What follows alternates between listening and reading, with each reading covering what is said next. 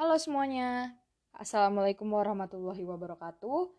Kembali lagi dengan saya Syakila Dona Feliza. Kali ini saya akan membahas tentang Undang-Undang Ketenaga Kerjaan dan tujuan dirumuskannya undang-undang ini.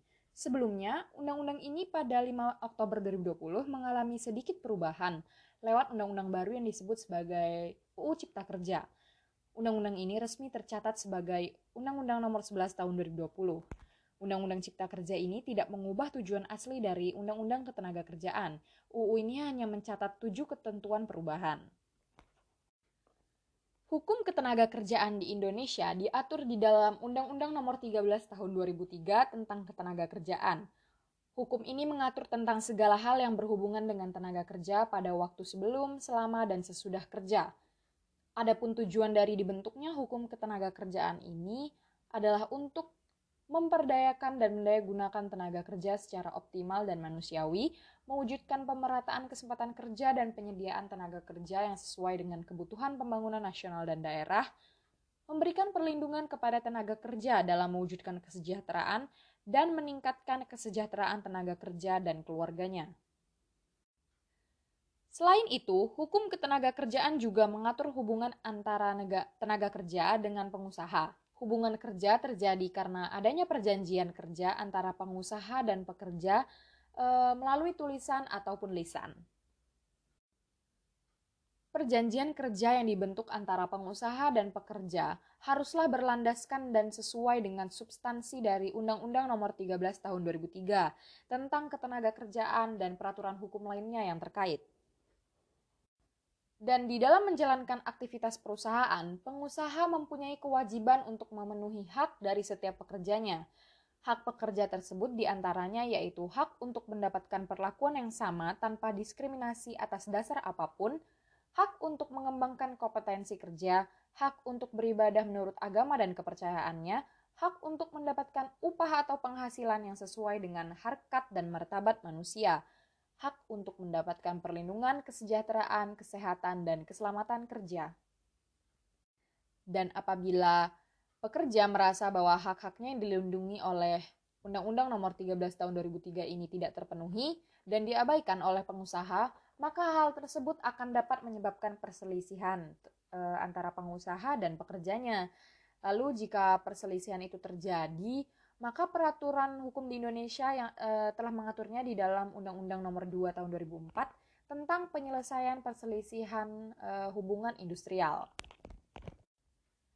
Setiap bentuk perselisihan tersebut memiliki cara atau prosedur tersendiri untuk menyelesaikannya, baik itu melalui perundingan bipartit, mediasi, konsiliasi, arbitrase, atau diselesaikannya di pengadilan hubungan industrial.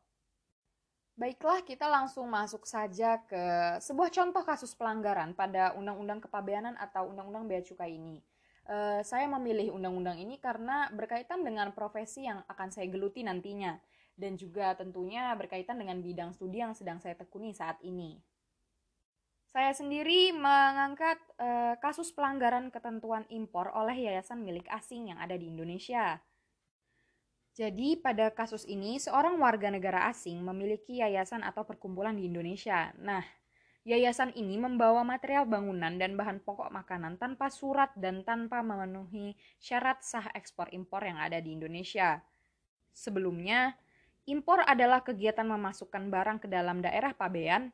Terhadap barang impor dilakukan pemeriksaan pabean. E, pemeriksaan pabean ini meliputi penelitian dokumen dan pemeriksaan fisik barang. Impor juga adalah memasukkan barang ke dalam daerah pabean dengan tujuan untuk dipakai atau memasukkan barang ke dalam daerah pabean untuk dimiliki atau dikuasai oleh orang yang berdomisili di Indonesia. Barang impor dapat dikeluarkan sebagai barang impor untuk dipakai setelah diserahkan pemberitahuan pabean dan dilunasi bea masuknya. E, lalu diserahkan pemberitahuan pabean dan jaminan atau diserahkan dokumen pelengkap pabean dan jaminannya.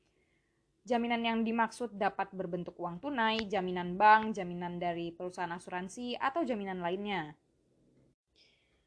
Pada kasus ini e, dapat dikategorikan sebagai tindakan penyelundupan dan dikenakan sanksi pidana. E, definisi penyelundupan sendiri e, menurut Baharudin Lopa dalam bukunya Tindak Pidana Ekonomi adalah mengantar pulaukan barang dengan tidak memenuhi peraturan perundang-undangan yang berlaku atau tidak memenuhi formalitas pabean yang ditetapkan oleh peraturan perundang-undangan. Pada kasus ini, tersangka kedapatan membongkar barang impor di luar kawasan pabean atau tempat lain tanpa izin kepala kantor pabean dan menyembunyikan barang impor secara melawan hukum. Yang dimaksud dengan menyembunyikan barang impor secara melawan hukum, e, yaitu menyimpan barang di tempat yang tidak wajar atau dengan sengaja menutupi keberadaan barang tersebut. Pelanggaran yang terjadi e, mengakibatkan terganggunya perekonomian negara.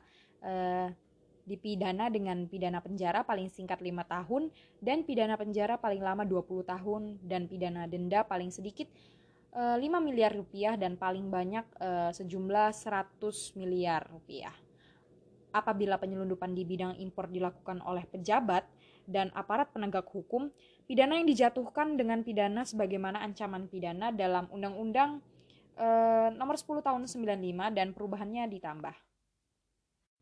Baiklah, Sekian yang dapat saya sampaikan untuk podcast kali ini. Uh, kurang lebihnya mohon ma mohon maaf. Uh, semoga apa yang telah saya sampaikan dapat diambil uh, pelajaran baik-baiknya oleh teman-teman sekalian. Wabillahi taufik walidayah. Wassalamualaikum warahmatullahi wabarakatuh. Apabila penyelundupan di bidang impor dilakukan oleh pejabat dan aparat penegak hukum,